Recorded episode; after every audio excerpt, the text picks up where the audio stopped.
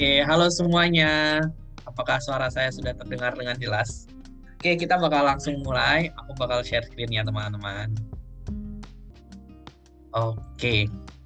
Oke, kita topiknya hari ini. Jadi kita ini bakal dapat aku dapat topik dari panitianya adalah changing uh, failure into success.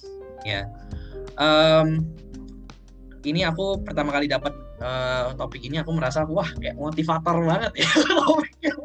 Motivator sekali gitu ya. Cuma uh, pada hari ini aku lebih mau ngarahin topiknya ke arah-arah lebih ke sharing antara satu sama lain. Jadi um, bukan mengarah ke motivasi tapi lebih ke sharing pengalaman dan lain-lain. Nah, mungkin ada beberapa dari teman-teman nih yang mengetahui lima karakter uh, atau lima figur di sini apakah ada yang bisa menjawab mungkin bisa langsung menjawab melalui chat ya guys ini tentu saja uh, aku ngambilnya pas lagi muda supaya lebih susah gitu ya oh udah ada yang menjawab oh ya Jack Ma RDJ Robert Downey Jr. Oke, okay. tiga lagi mungkin ada yang bisa menjawab siapa? Elon Musk bukan bukan Elon Musk. Ya benar. Insinyur Soekarno. Wah orang-orang di sini pinter banget ya yang ada di malam hari ini. Ya guys jadi ini aku bakal kenalin uh, ini yang paling kiri itu Walt Disney ya. Dia yang uh, menemukan Disney Company. Dia dibilang sama orang-orang gila karena idenya dia dan dia gagal dia gagal berkali-kali uh, orang saat itu dia punya ide gimana kalau kita bikin kartun gambar bergerak gitu kan. Terus orang-orang pada zaman itu mikir wah gila kamu gitu kan. Terus dia dibilang sama anak buahnya sendiri kamu orang yang paling tidak kreatif. Itu kalau dibilang sama atasan masih oke okay, gitu. Tapi kalau dibilang sama bawahan kamu bukan orang kreatif itu kayak kesannya nyesek gitu ya. Itu Walt Disney terus juga Tony Stark, eh, Robert Downey Jr., seorang aktor yang dulu pernah terjerat kasus narkoba, tapi berhasil memutarbalikkan kehidupannya dia. Ada Colonel Sanders, pernah makan KFC kan ya. Dia itu uh, gagal, dia itu adalah seorang yang gagal seumur hidupnya dia. Dia pernah jadi pengacara, gagal, menjadi seorang tentara, gagal, menjadi apa-apa, pengusaha, semuanya dia gagal. Dia itu baru sukses pas dia tuh ah, udah berusia 70 tahun lebih jadi kamu bisa bayangin kesuksesannya itu pas dia udah tua banget gitu. Terus ada Jack Ma dia mungkin udah ada yang pernah dengar ya ceritanya dia ditolak sama berbagai-bagai macam perusahaan dan juga universitas. Dia sekarang uh, sempat menjadi orang terkaya di China terus juga ada Insinyur Soekarno ya. Uh, beliau sebelum memerdekakan Indonesia dibuang ke Bangka Belitung berkali-kali ya uh, diasingkan terus dia juga harus mengalami banyak kegagalan juga. Pasukan pasukan Belanda Jepang semuanya mengalahkan pasukan dia tapi tetap mereka tidak menyerah. Nah ini mungkin ada lagi nih. Mungkin ada yang bisa menjawab mungkin dari lima karakter ini mungkin. Melalui chat. Ayo ayo ayo Ya, ya ya ada Elon Musk, benar, benar. Mungkin empat lainnya apakah ada yang bisa menjawab? Bill Gates, benar, benar, benar. Thomas Alva Edison, wih, pinter, pinter, pinter banget.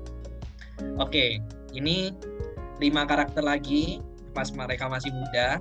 Elon Musk ya, dia sebelum membawa orang ke bulan, dia roket dia harus meledak tiga kali terus perusahaan dia mau bangkrut cuma sekarang dia orang salah satu yang paling terkenal di dunia. Yang kedua itu J.K. Rowling ibu muda yang salah melakukan banyak kesalahan dalam kehidupannya dia akhirnya menjadi penulis terus menjadi orang yang berhasil. Itu Margaret Thatcher eh, perdana menteri wanita pertama di Inggris yang di tengah. Dia banyak dibenci sama banyak orang sama anak buahnya sendiri pun dia juga dibenci karena saat itu ekonominya lagi kacau dan dia harus melakukan banyak keputusan yang sangat tidak populer gitu di hadapan banyak orang. Thomas Alva Edison mungkin banyak yang teman-teman udah dengar seribu kali gagal membuat bola lampu ya.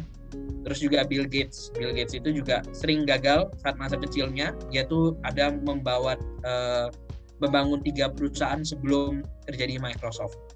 Cuma yang menarik itu adalah kita tuh cuma tahu Microsoftnya doang ya kita tuh nggak tahu kegagalan di baliknya gitu Nah, poinnya yang aku kepingin bangun di sini adalah semua orang itu pasti pernah merasakan namanya kegagalan. Mau kamu orang paling sukses, mau kamu orang paling gagal sekalipun, kamu orang paling kaya, orang kamu paling miskin, semuanya itu pasti pernah mengalami kegagalan. Nah, mungkin beberapa dari kalian mungkin jadi nanya gitu. Alah, ada lah orang yang nggak mungkin gagal gitu. Gue tahu ini ada orang uh, dia punya uh, dia nggak pernah gagal perasaan dan lain-lain gitu. Terus kalau misalnya perusahaan udah gede atau organisasi udah gede kan udah nggak mungkin gagal gitu kan. Nah itu di situ sebenarnya juga salah guys. Karena meskipun orang-orang atau perusahaan-perusahaan yang sudah besar pun misalnya kayak Elon Musk dia tetap hari ini pun masih mengalami kegagalan-kegagalan kecil. Jadi uh, even KFC pun perusahaan yang sudah terkenal di, di luar negeri mereka tuh harus gagal masuk Israel hampir tiga kali gitu. Jadi mereka bangkrut di Israel selama tiga kali. Amerika Serikat negara adidaya eh, berperang di Afghanistan selama 20 tahun kalah juga gitu.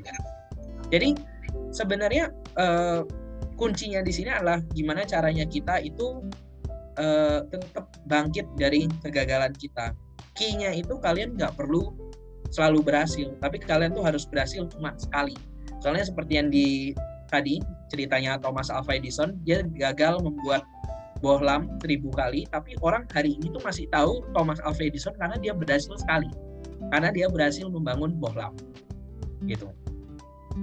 Albert Einstein bilang failure in is just a success in progress.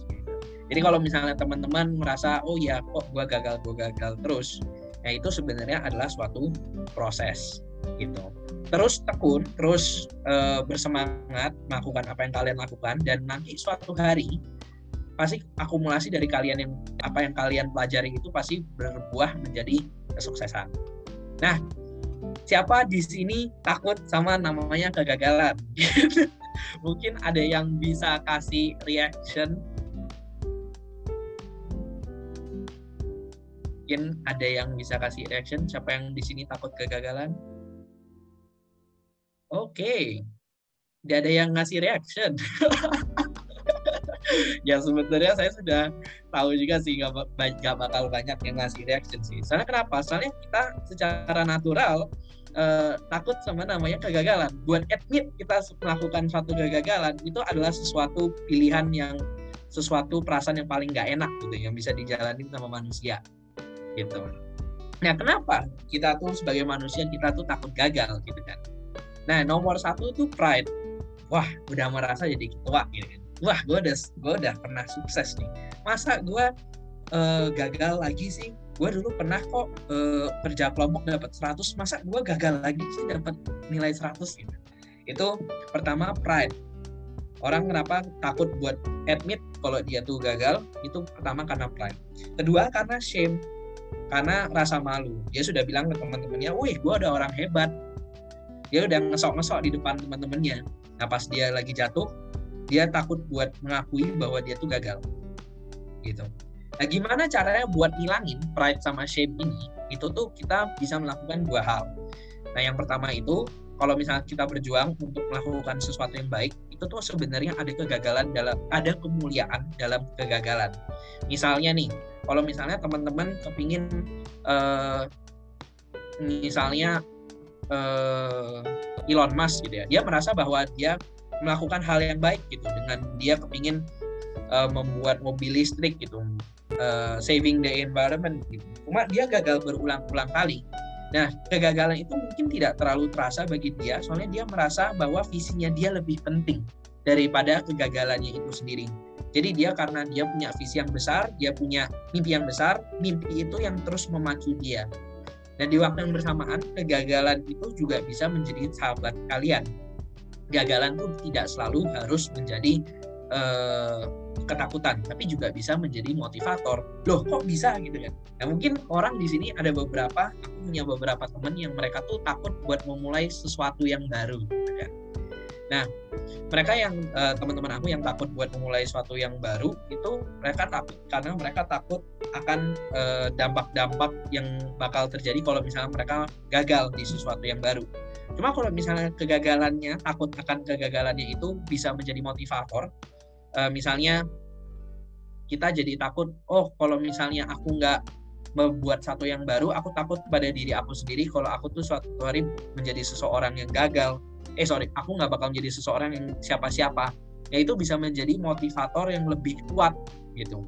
Jadi how do we use fear how do we use kegagalan sebagai motivator juga buat kita depannya gitu.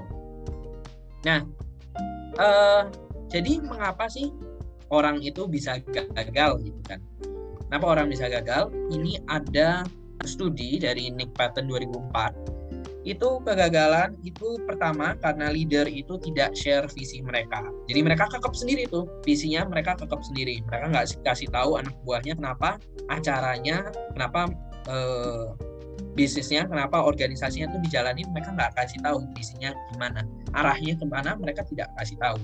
Yang kedua adalah pemimpin yang mereka berbicara lebih banyak daripada mereka mendengar.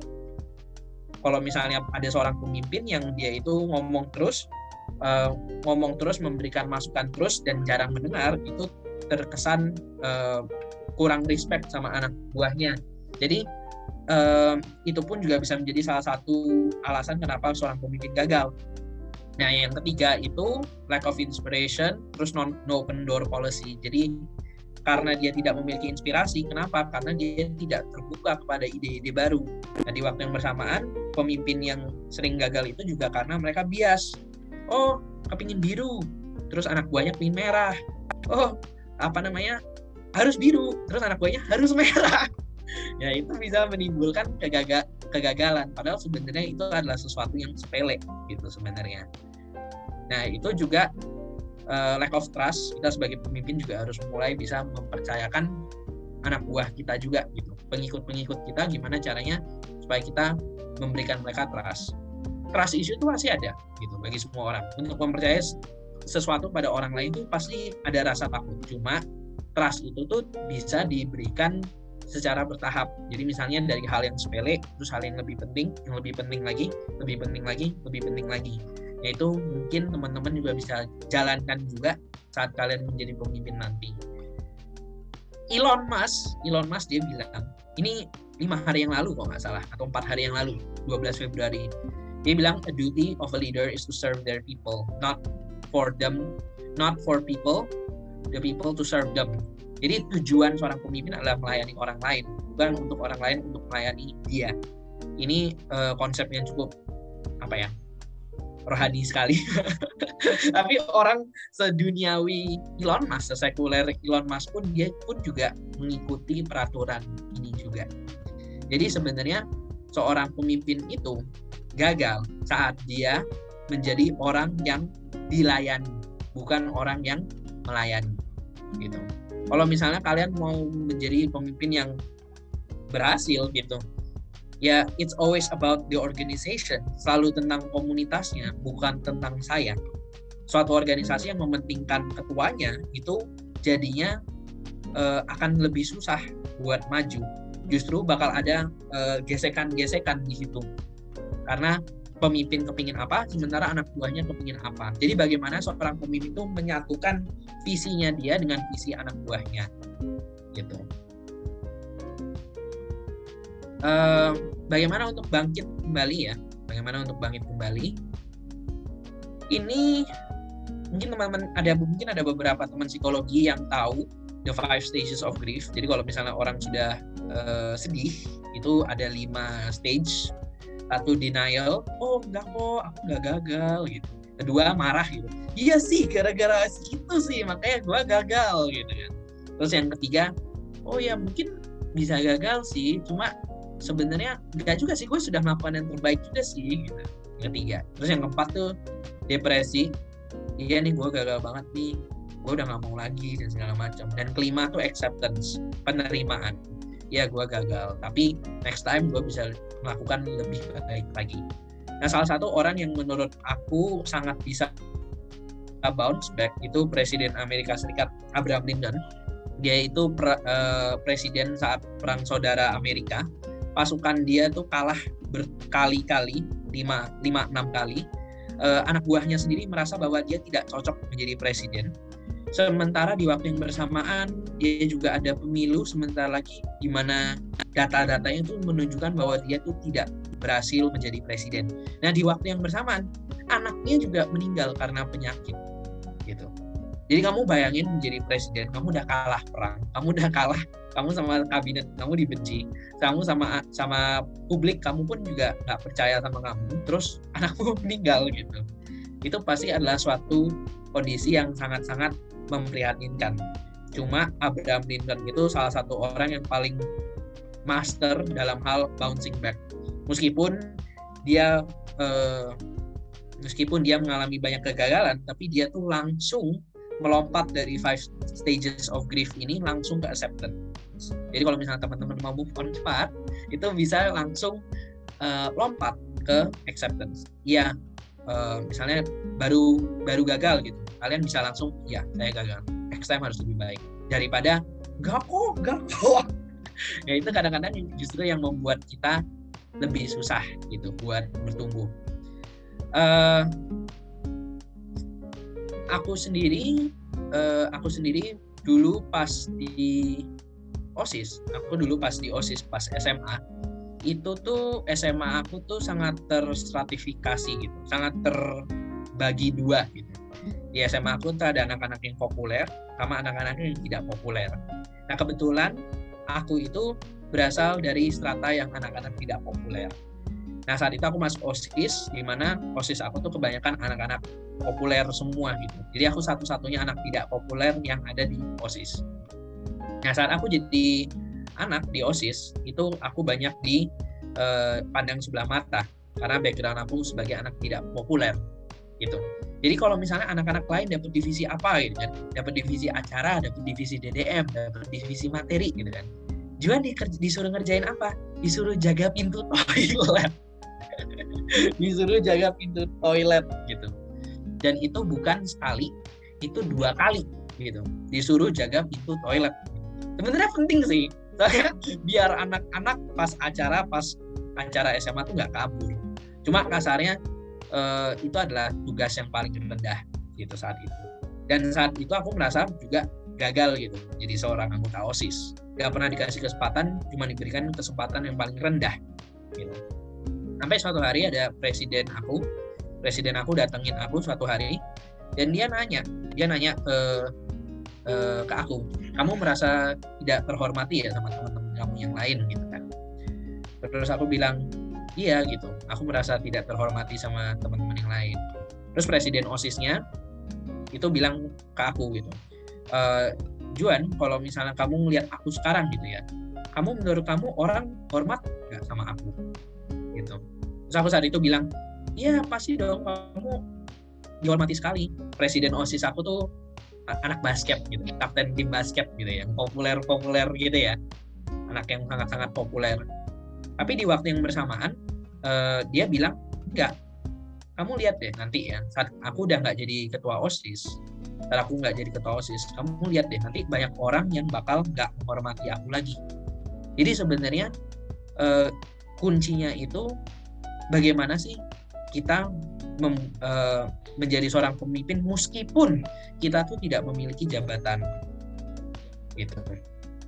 Nah saat itu uh, presiden osis aku, aku bilang sudah selesai jabatannya dia masih di respect. Tapi ternyata benar perkataan dia.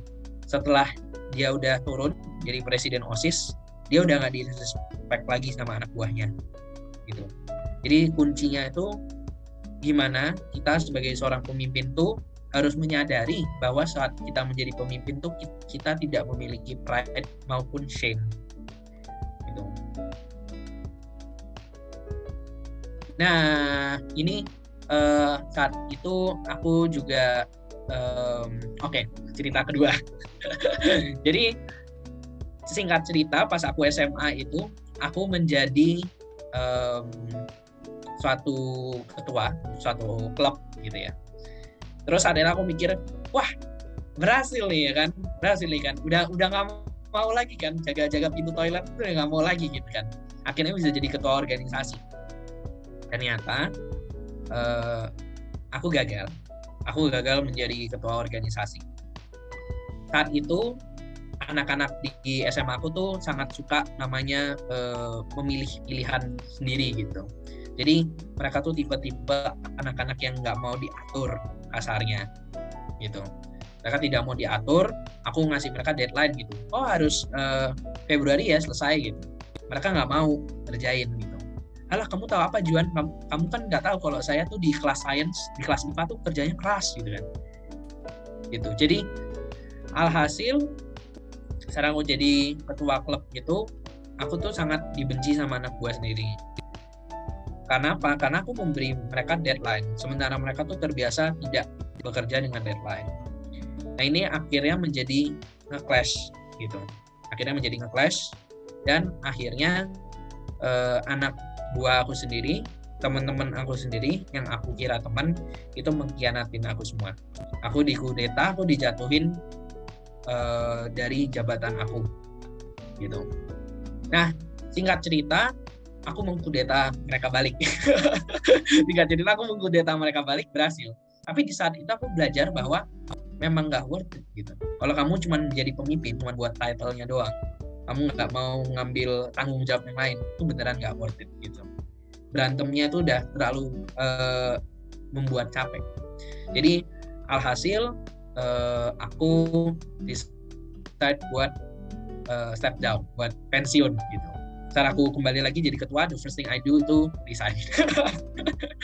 Gitu. Tapi intinya karena kejadian itu tuh aku merasa aku adalah orang paling gagal sedunia gitu. Anak gue sampai bisa mengkudeta apakah separah itu gitu kan. Aku menjadi seorang ketua. Dan itu sempat membuat identity crisis juga sebenarnya.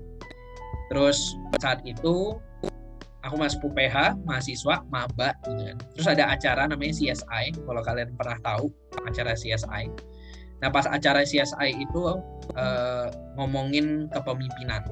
Saat itu aku udah mikir udahlah nggak mau kepanitiaan lagi udah nggak udahlah nggak mau organisasi lagi gitu kan. Tapi terus salah satu ketua CSI-nya datengin aku malam-malam. Aku curhat sama dia terus dia bilang e, coba kamu lakukan hal yang sama deh tapi sekarang di universitas kamu tetap harus uh, melakukan yang terbaik gitu. Meskipun uh, mungkin dipandang orang kurang baik gitu.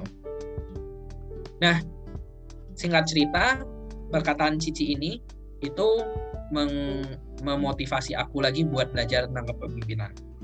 Jadi akibatnya aku join CSI, aku join ILT. Kalau kalian juga tahu, terus akhirnya masuk ke BEM diterima terus menjadi ketua pembebas.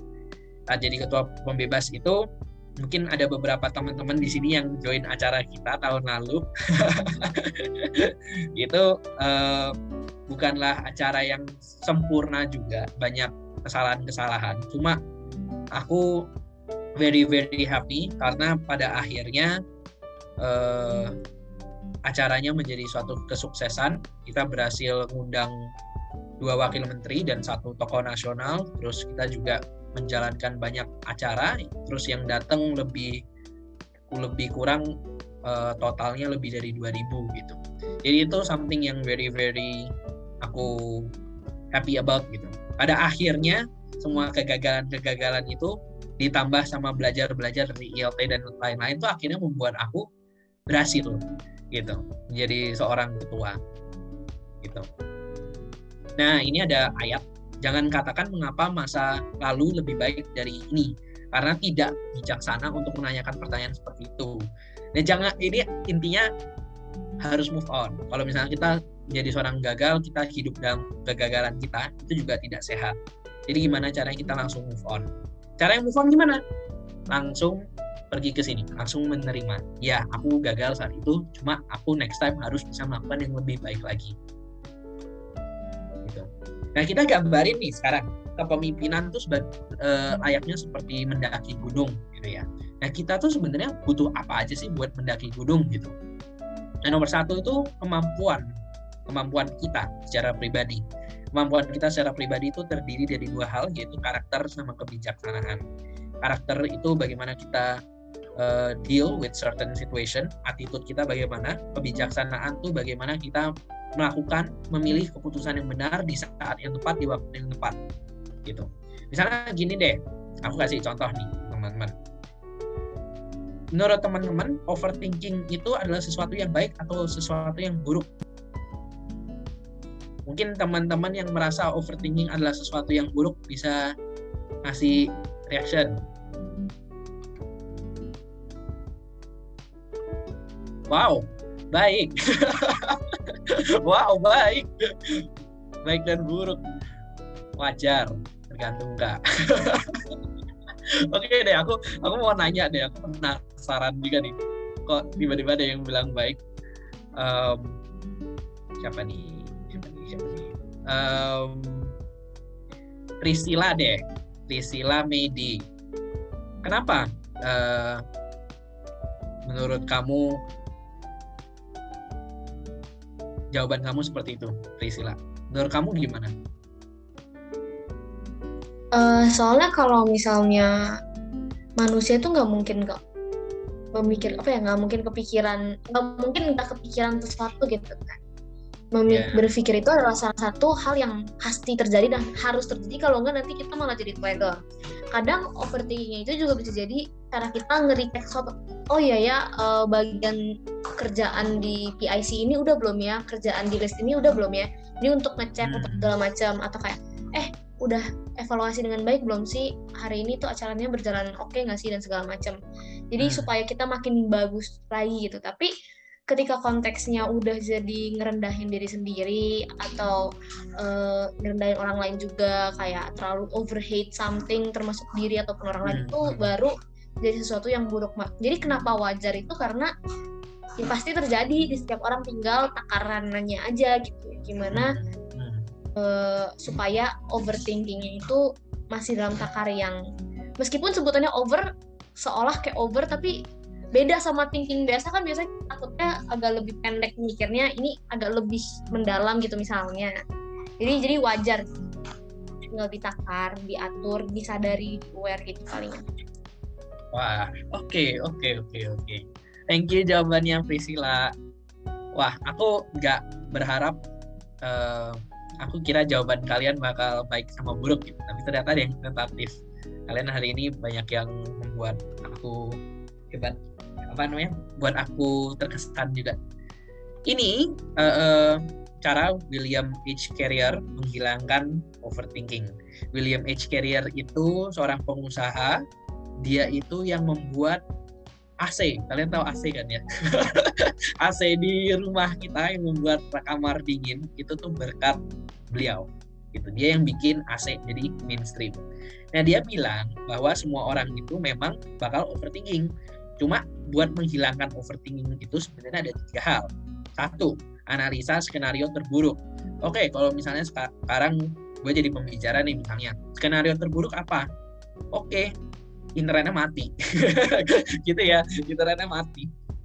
Oke, terus plan B-nya gimana? Oke, kalau misalnya internet aku mati, bakal ada uh, kuota gitu, bakal ada wifi kedua, atau aku bisa ganti tempat atau gimana gitu. Jadi langsung ada plan B-nya di waktu yang bersamaan melakukan tindakan preventif. Kalau misalnya ini beneran terjadi, gimana caranya kita meminimalisir kemungkinan itu terjadi. Jadi misalnya aku udah ngasih tahu panitia, eh nanti kalau misalnya internet aku mati, MC harus siap-siap uh, ambil alih ya, jangan sampai awkward ya gitu.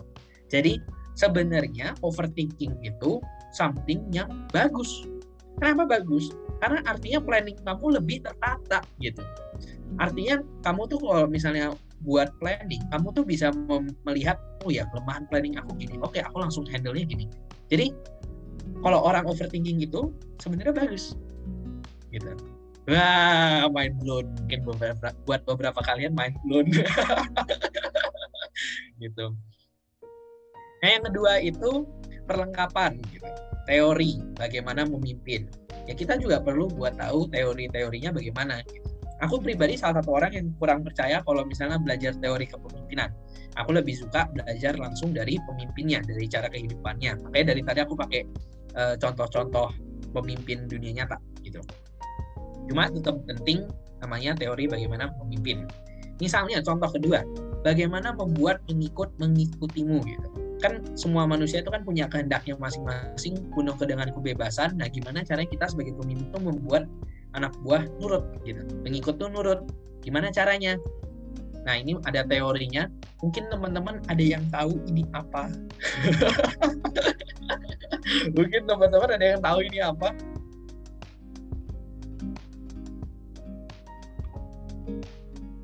Ayo, ayo, ini apa ayo?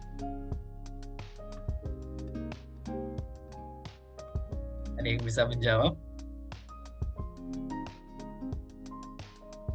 Oke, ini namanya Golden Circle, teori dari Simon Sinek gitu. Dia bilang kalau misalnya kamu beneran men mau menjadi pemimpin, itu kamu harus mulai dari why gitu. Saat, saat kamu membangun suatu acara, misalnya acara tentang A, acara melestarikan lingkungan gitu ya itu sangat penting gimana caranya kamu tuh tahu why-nya dulu gitu kalau kamu bilang ke orang lain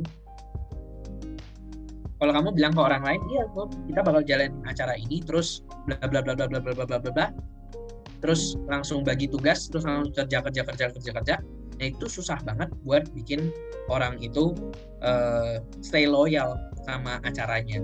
Tapi kalau misalnya kamu ngasih tahu di awal ya kita nih melakukan acara yang mulia loh. Kita tuh melestarikan lingkungan loh. Kita tuh membuat sesuatu yang baik loh. Nah itu ada kemungkinan lebih besar kalau misalnya pengikut kita tuh lebih termotivasi pribadinya dia sehingga bisa melakukan aktivitasnya dengan lebih baik gitu. Mungkin ada beberapa eh, teman-teman organisasi di sini atau uh, future leaders out there gitu ya yang mungkin kalau misalnya minta bantuan dari pengikut atau anak buah itu banyak yang eh, nggak uh, mau gitu. Nggak nggak mau. Nggak mau. Nah itu penting bagi kita sebagai pemimpin untuk mengetahui untuk memberitahu mereka juga mengapa kita memilih keputusan itu. Nah di sini beneran seperti yang aku bilang dari awal kita sebagai pemimpin nggak bisa selfish gitu. Kita harus mementingkan kepentingan bersama kepentingan visinya tuh apa. Kalau misalnya di BEM ya ke ya visinya adalah buat meningkatkan kesejahteraan kehidupan mahasiswa.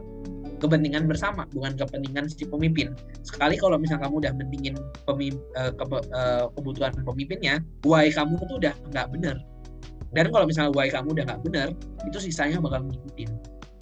Gitu jadi ini penting juga buat diketahui juga. Dan ketiga itu adalah komunitas. Gimana jadi kita dapat dukungan juga. Kalau misalnya aku dulu pas di CSI nggak dideketin sama panitia-panitianya terus diberikan dukungan, mungkin aku nggak ada di sini hari ini, gitu. Nah kita e, misalnya contoh ketiga gitu ya, apakah komunitasmu sekarang mendukung kamu gitu. Nah pembangunan komunitas sendiri itu adalah suatu hal yang sangat susah untuk dibangun gitu Makanya itu perlu care, perlu time, perlu effort. Gimana caranya uh, komunitas tuh bisa subur, menumbuhkan karakter orang sesubur-suburnya. Oke, ini uh, seseorang yang aku really really respect.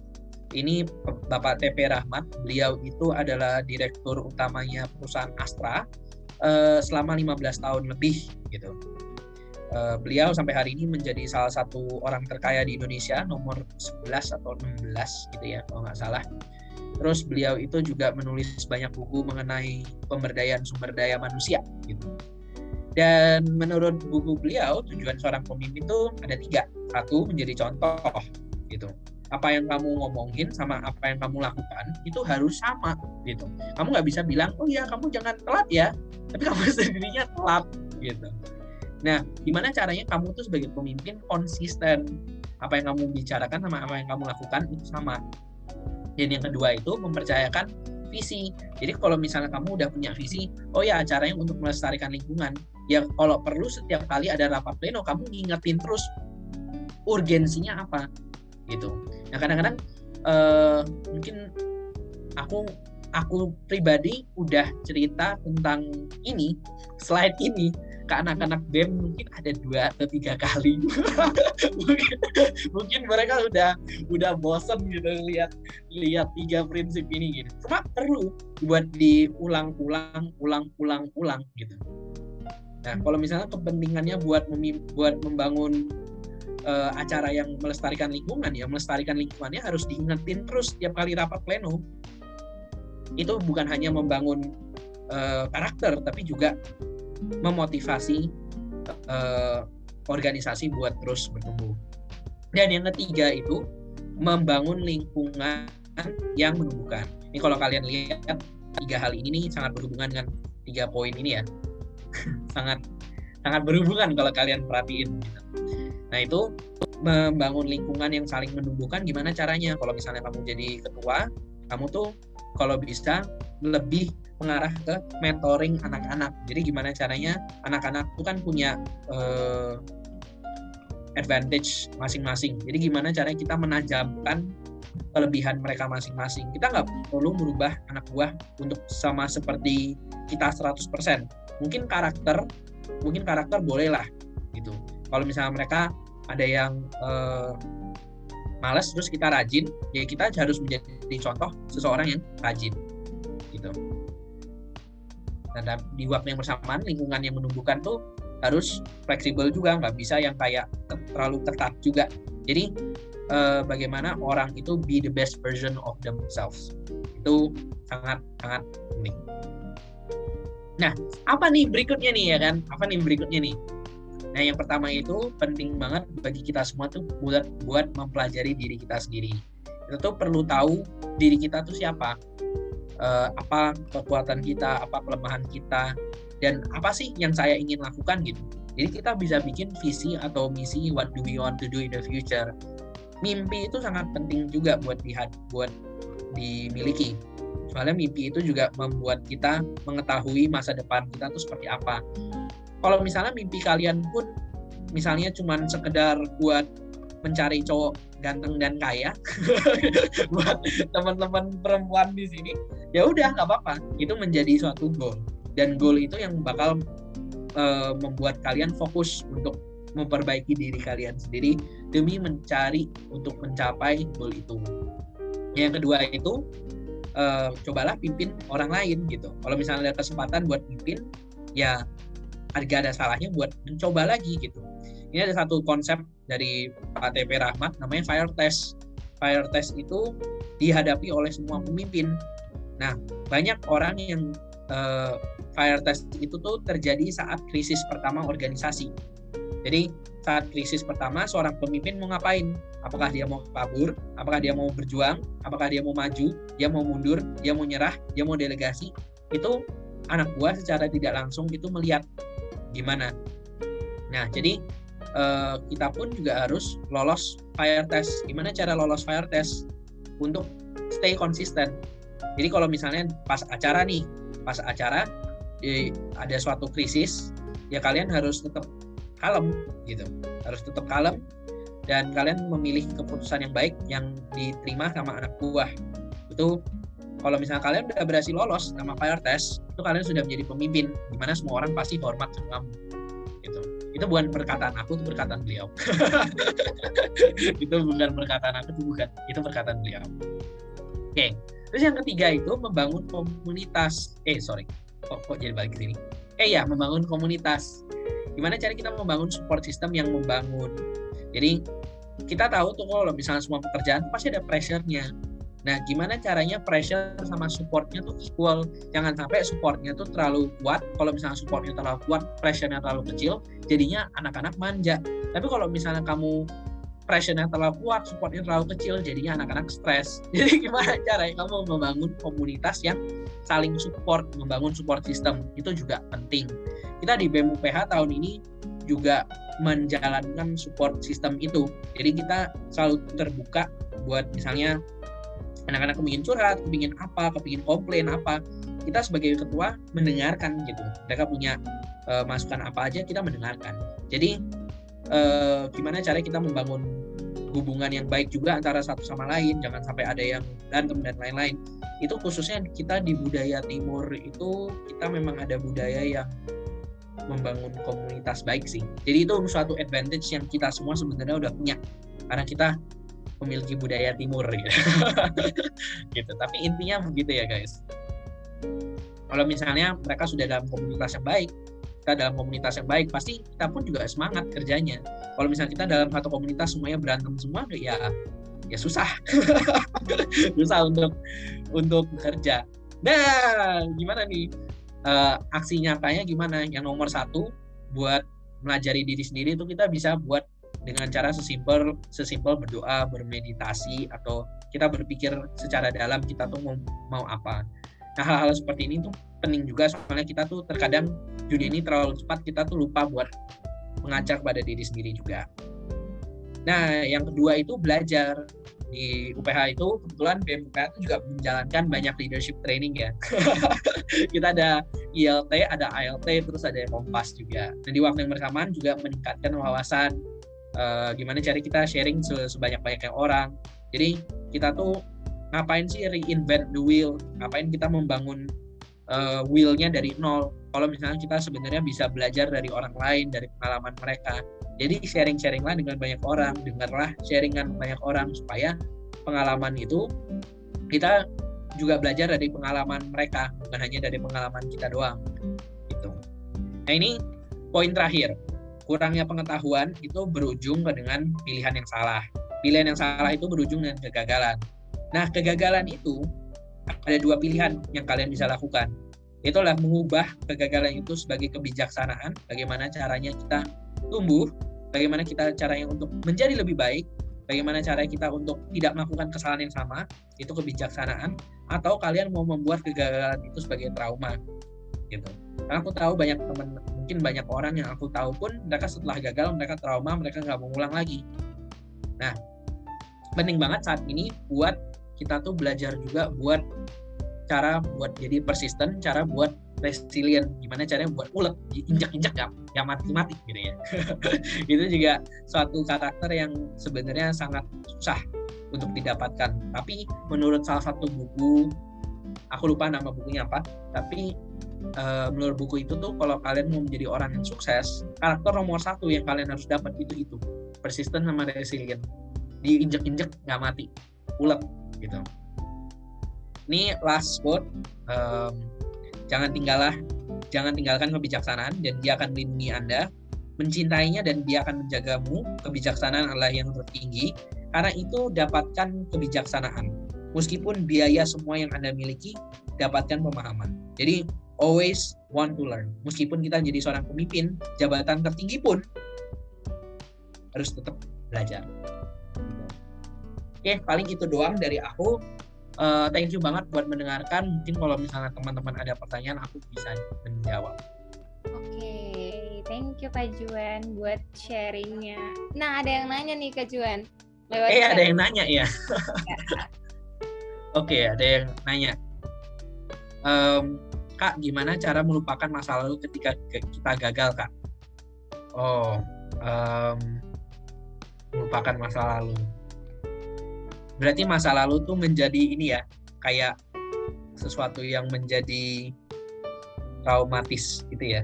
Mungkin Deta bisa bisa menjelaskan lebih lagi mungkin Deta. Oke mungkin kalau aku bisa jawab ya dari aku jawab itu kembali lagi ke eh, bagaimana kita melupakan masa lalu itu kembali lagi ke ke sini gitu. Kita pasti awal-awal kalau kita gagal kita memiliki masa lalu yang susah itu kita bakal mengalami five stages of grief ini. Cuma kalau misalnya kita rendah hati terus kita mau belajar kita mau menerima kita bisa langsung lompat ke stage kelima yaitu acceptance. Ya jadi uh, aku pun juga masih teringat gitu aku pas masih gagal itu aku sangat-sangat mengingat sampai hari ini juga cuma kegagalan itu tuh sekali lagi bisa menjadi sesuatu yang memperkuat kita atau sesuatu yang membuat membekas menjadi trauma. Ya itu sebenarnya pilihan kita sendiri. Mau kegagalan itu menjadi motivasi atau mau menjadi uh, penghambat gitu. Uh, kita nomor satu ya harus menerima kalau misalnya itu sudah terjadi. Terus yang kedua kita belajar lagi kenapa kita gagal secara objektif. Jangan sampai oh ya karena orang itu karena orang itu. Cuma akunya gitu. Aku salahnya tuh di mana sih? Terus setelah kita udah mengetahui kita salahnya di mana kita belajar cara memimpin yang lebih benar terus kita ulang lagi gitu. Nah kalau misalnya kita teringat lagi nih kegagalan kita dulu nih. Um, itu juga bisa sering terjadi sih. Cuma kamu harus ingat juga bahwa kamu yang sekarang lebih terprepare dari kamu yang dulu. Jadi hasilnya pun juga berbeda. Kamu udah lebih bijak, kamu udah lebih dewasa. Jadi pastinya hasilnya pun juga pasti berbeda. Gitu. Nah sekali kamu udah berhasil nih, sekali kamu udah berhasil, kegagalannya dulu tuh kamu pasti udah lupa. Gitu. Aku yakin pun orang-orang kayak Edison pun atau orang kayak Mas pun dia nggak ingat kegagalan mereka sekali mereka udah berhasil. Gitu. Kuncinya tuh kalian nggak perlu gagal kalian tuh nggak perlu berhasil seribu kali. Kalian tuh cuma perlu berhasil sekali. Gitu Apakah menjawab kira-kira Deta? Oke, okay. thank you. Um, beberapa orang bilang salah satu faktor penentu kesuksesan adalah privilege berupa koneksi atau materi. Um, enggak juga sih. Even orang yang sudah memiliki privilege itu lagi ngetren-ngetren ya ngomongin privilege ya. Itu sebenarnya tetap bisa gagal. Semua orang yang udah berhasil pun tetap bisa gagal. Jadi um, kalau mau dibilang faktor bisa jadi buat mereka lebih sukses mereka untuk uh, mendapatkan hal yang lebih besar itu bisa jadi karena mereka memiliki privilege cuma keberhasilan kegagalan tuh gak ada hubungannya sama uh, privilege iya benar Starbucks di Australia tuh tidak laku jadi Starbucks saja bisa gagal gitu di Australia gitu. Jadi it's never about privilege atau koneksi atau materi gitu. Kalau misalnya kalian gagal kalau misalnya kalian berhasil di sesuatu yang kecil itu kalian sebenarnya udah berhasil. Jadi kalau misalnya kalian berhasil di sesuatu yang kecil eh, ya kalian bersyukurlah kalau kalian bisa berhasil di sesuatu yang kecil ini gitu. Banyak orang misalnya kayak KFC dan kawan-kawan mereka tuh gagalnya tuh saat sudah gede jadi jadi sebenarnya privilege itu bersyukur juga kalau kita tuh sebenarnya nggak punya privilege. Kenapa? Karena kita bisa belajar saat kita masih kecil. Gitu. Jadi kalau misalnya kita gagal pun dunia juga nggak tahu gitu. Tapi kalau misalnya kamu udah punya privilege terus kamu nggak punya experience terus kamu langsung masuk terus kamu gagal ya udah masuk berita. Apakah kegagalan itu adalah hal yang memalukan karena banyak orang yang menganggap gagal berarti tidak mampu dan apa kita perlu menceritakan kegagalan pada semua orang uh, kegagalan itu tidak memalukan memalukan atau tidak itu sebenarnya cara pandang Kristiana gitu. Jadi uh, kalau misalnya kamu merasa nggak memalukan ya udah gitu. Jadi sebenarnya pandangan kamu. Dan kalau misalnya kamu nggak punya rasa malu buat kamu ngomongin kegagalan kamu di depan orang, ya orang lain juga nggak bakal hina kamu yang gimana-gimana juga kok gitu. Jadi terkadang kita tuh merasa kayak gitu kenapa? Karena kita duluan udah ngejudge diri kita sendiri seperti itu. Gitu. Nah kalau misalnya orang gagal tuh artinya tidak mampu, ya kalau mau jujur ya artinya masih ada banyak hal yang kita harus pelajari lagi, gitu. Dan apakah kita perlu menceritakan kegagalan pada semua orang? Ya enggak juga. kalau kalian nggak mau cerita ke semua orang juga nggak apa-apa. Tapi mungkin kalian juga bisa sharing uh, kepada kelompok-kelompok yang kalian percayakan. Soalnya kebetulan pasti sebagai seorang pemimpin, kalau kalian pernah gagal, ya pasti ada beberapa orang lain yang juga pernah mengalami hal yang sama, gitu. Manusia tuh semuanya apa ya? Semuanya tuh pernah gagal, jadi jangan pernah takut. It's a human thing. Sama kayak tadi uh, Priscilla bilang kalau misalnya overthinking it's a human thing, kegagalan itu juga human thing, gitu. Ini pertanyaan terakhir ya. Kak pernah takut untuk mencoba nggak kak? Takut gagal cara menghadapi ketakutan diri sendiri itu gimana ya? Um, pasti ada dong takut untuk gagal. Cuma kalau misalnya preparasi kamu udah mantap, kamu udah tahu caranya gimana, planning kamu udah kuat, itu akan lebih mudah untuk kamu lebih percaya diri. Gitu. Jadi kalau kalian takut buat memulai sesuatu, kalian udah takut untuk uh, mencoba, itu kalian mulai dengan planning. Planningnya harus detail, harus kuat, gitu. Dan benar-benar harus diikutin. Jangan sampai lu bikin uh, plan terus nggak dijalani. Waduh, panitia ada masih ada waktu nggak di pertanyaan terakhir? Waduh, pertanyaan makin banyak ya. mungkin teman-teman um, teman-teman yang masih mau bertanya itu bisa langsung nanti nih kita langsung catch up aja kita langsung ngomong aja feel free buat add aku di IG nanti aku kalau misalnya bisa aku bakal langsung menjawab pertanyaan kalian. Mungkin sekian ya dari aku ya. Mungkin teman-teman yang tadi udah bertanya bisa follow aku di IG nanti aku bisa menjawab pertanyaannya di IG oke thank you semuanya. Aku kembalikan ke MC ya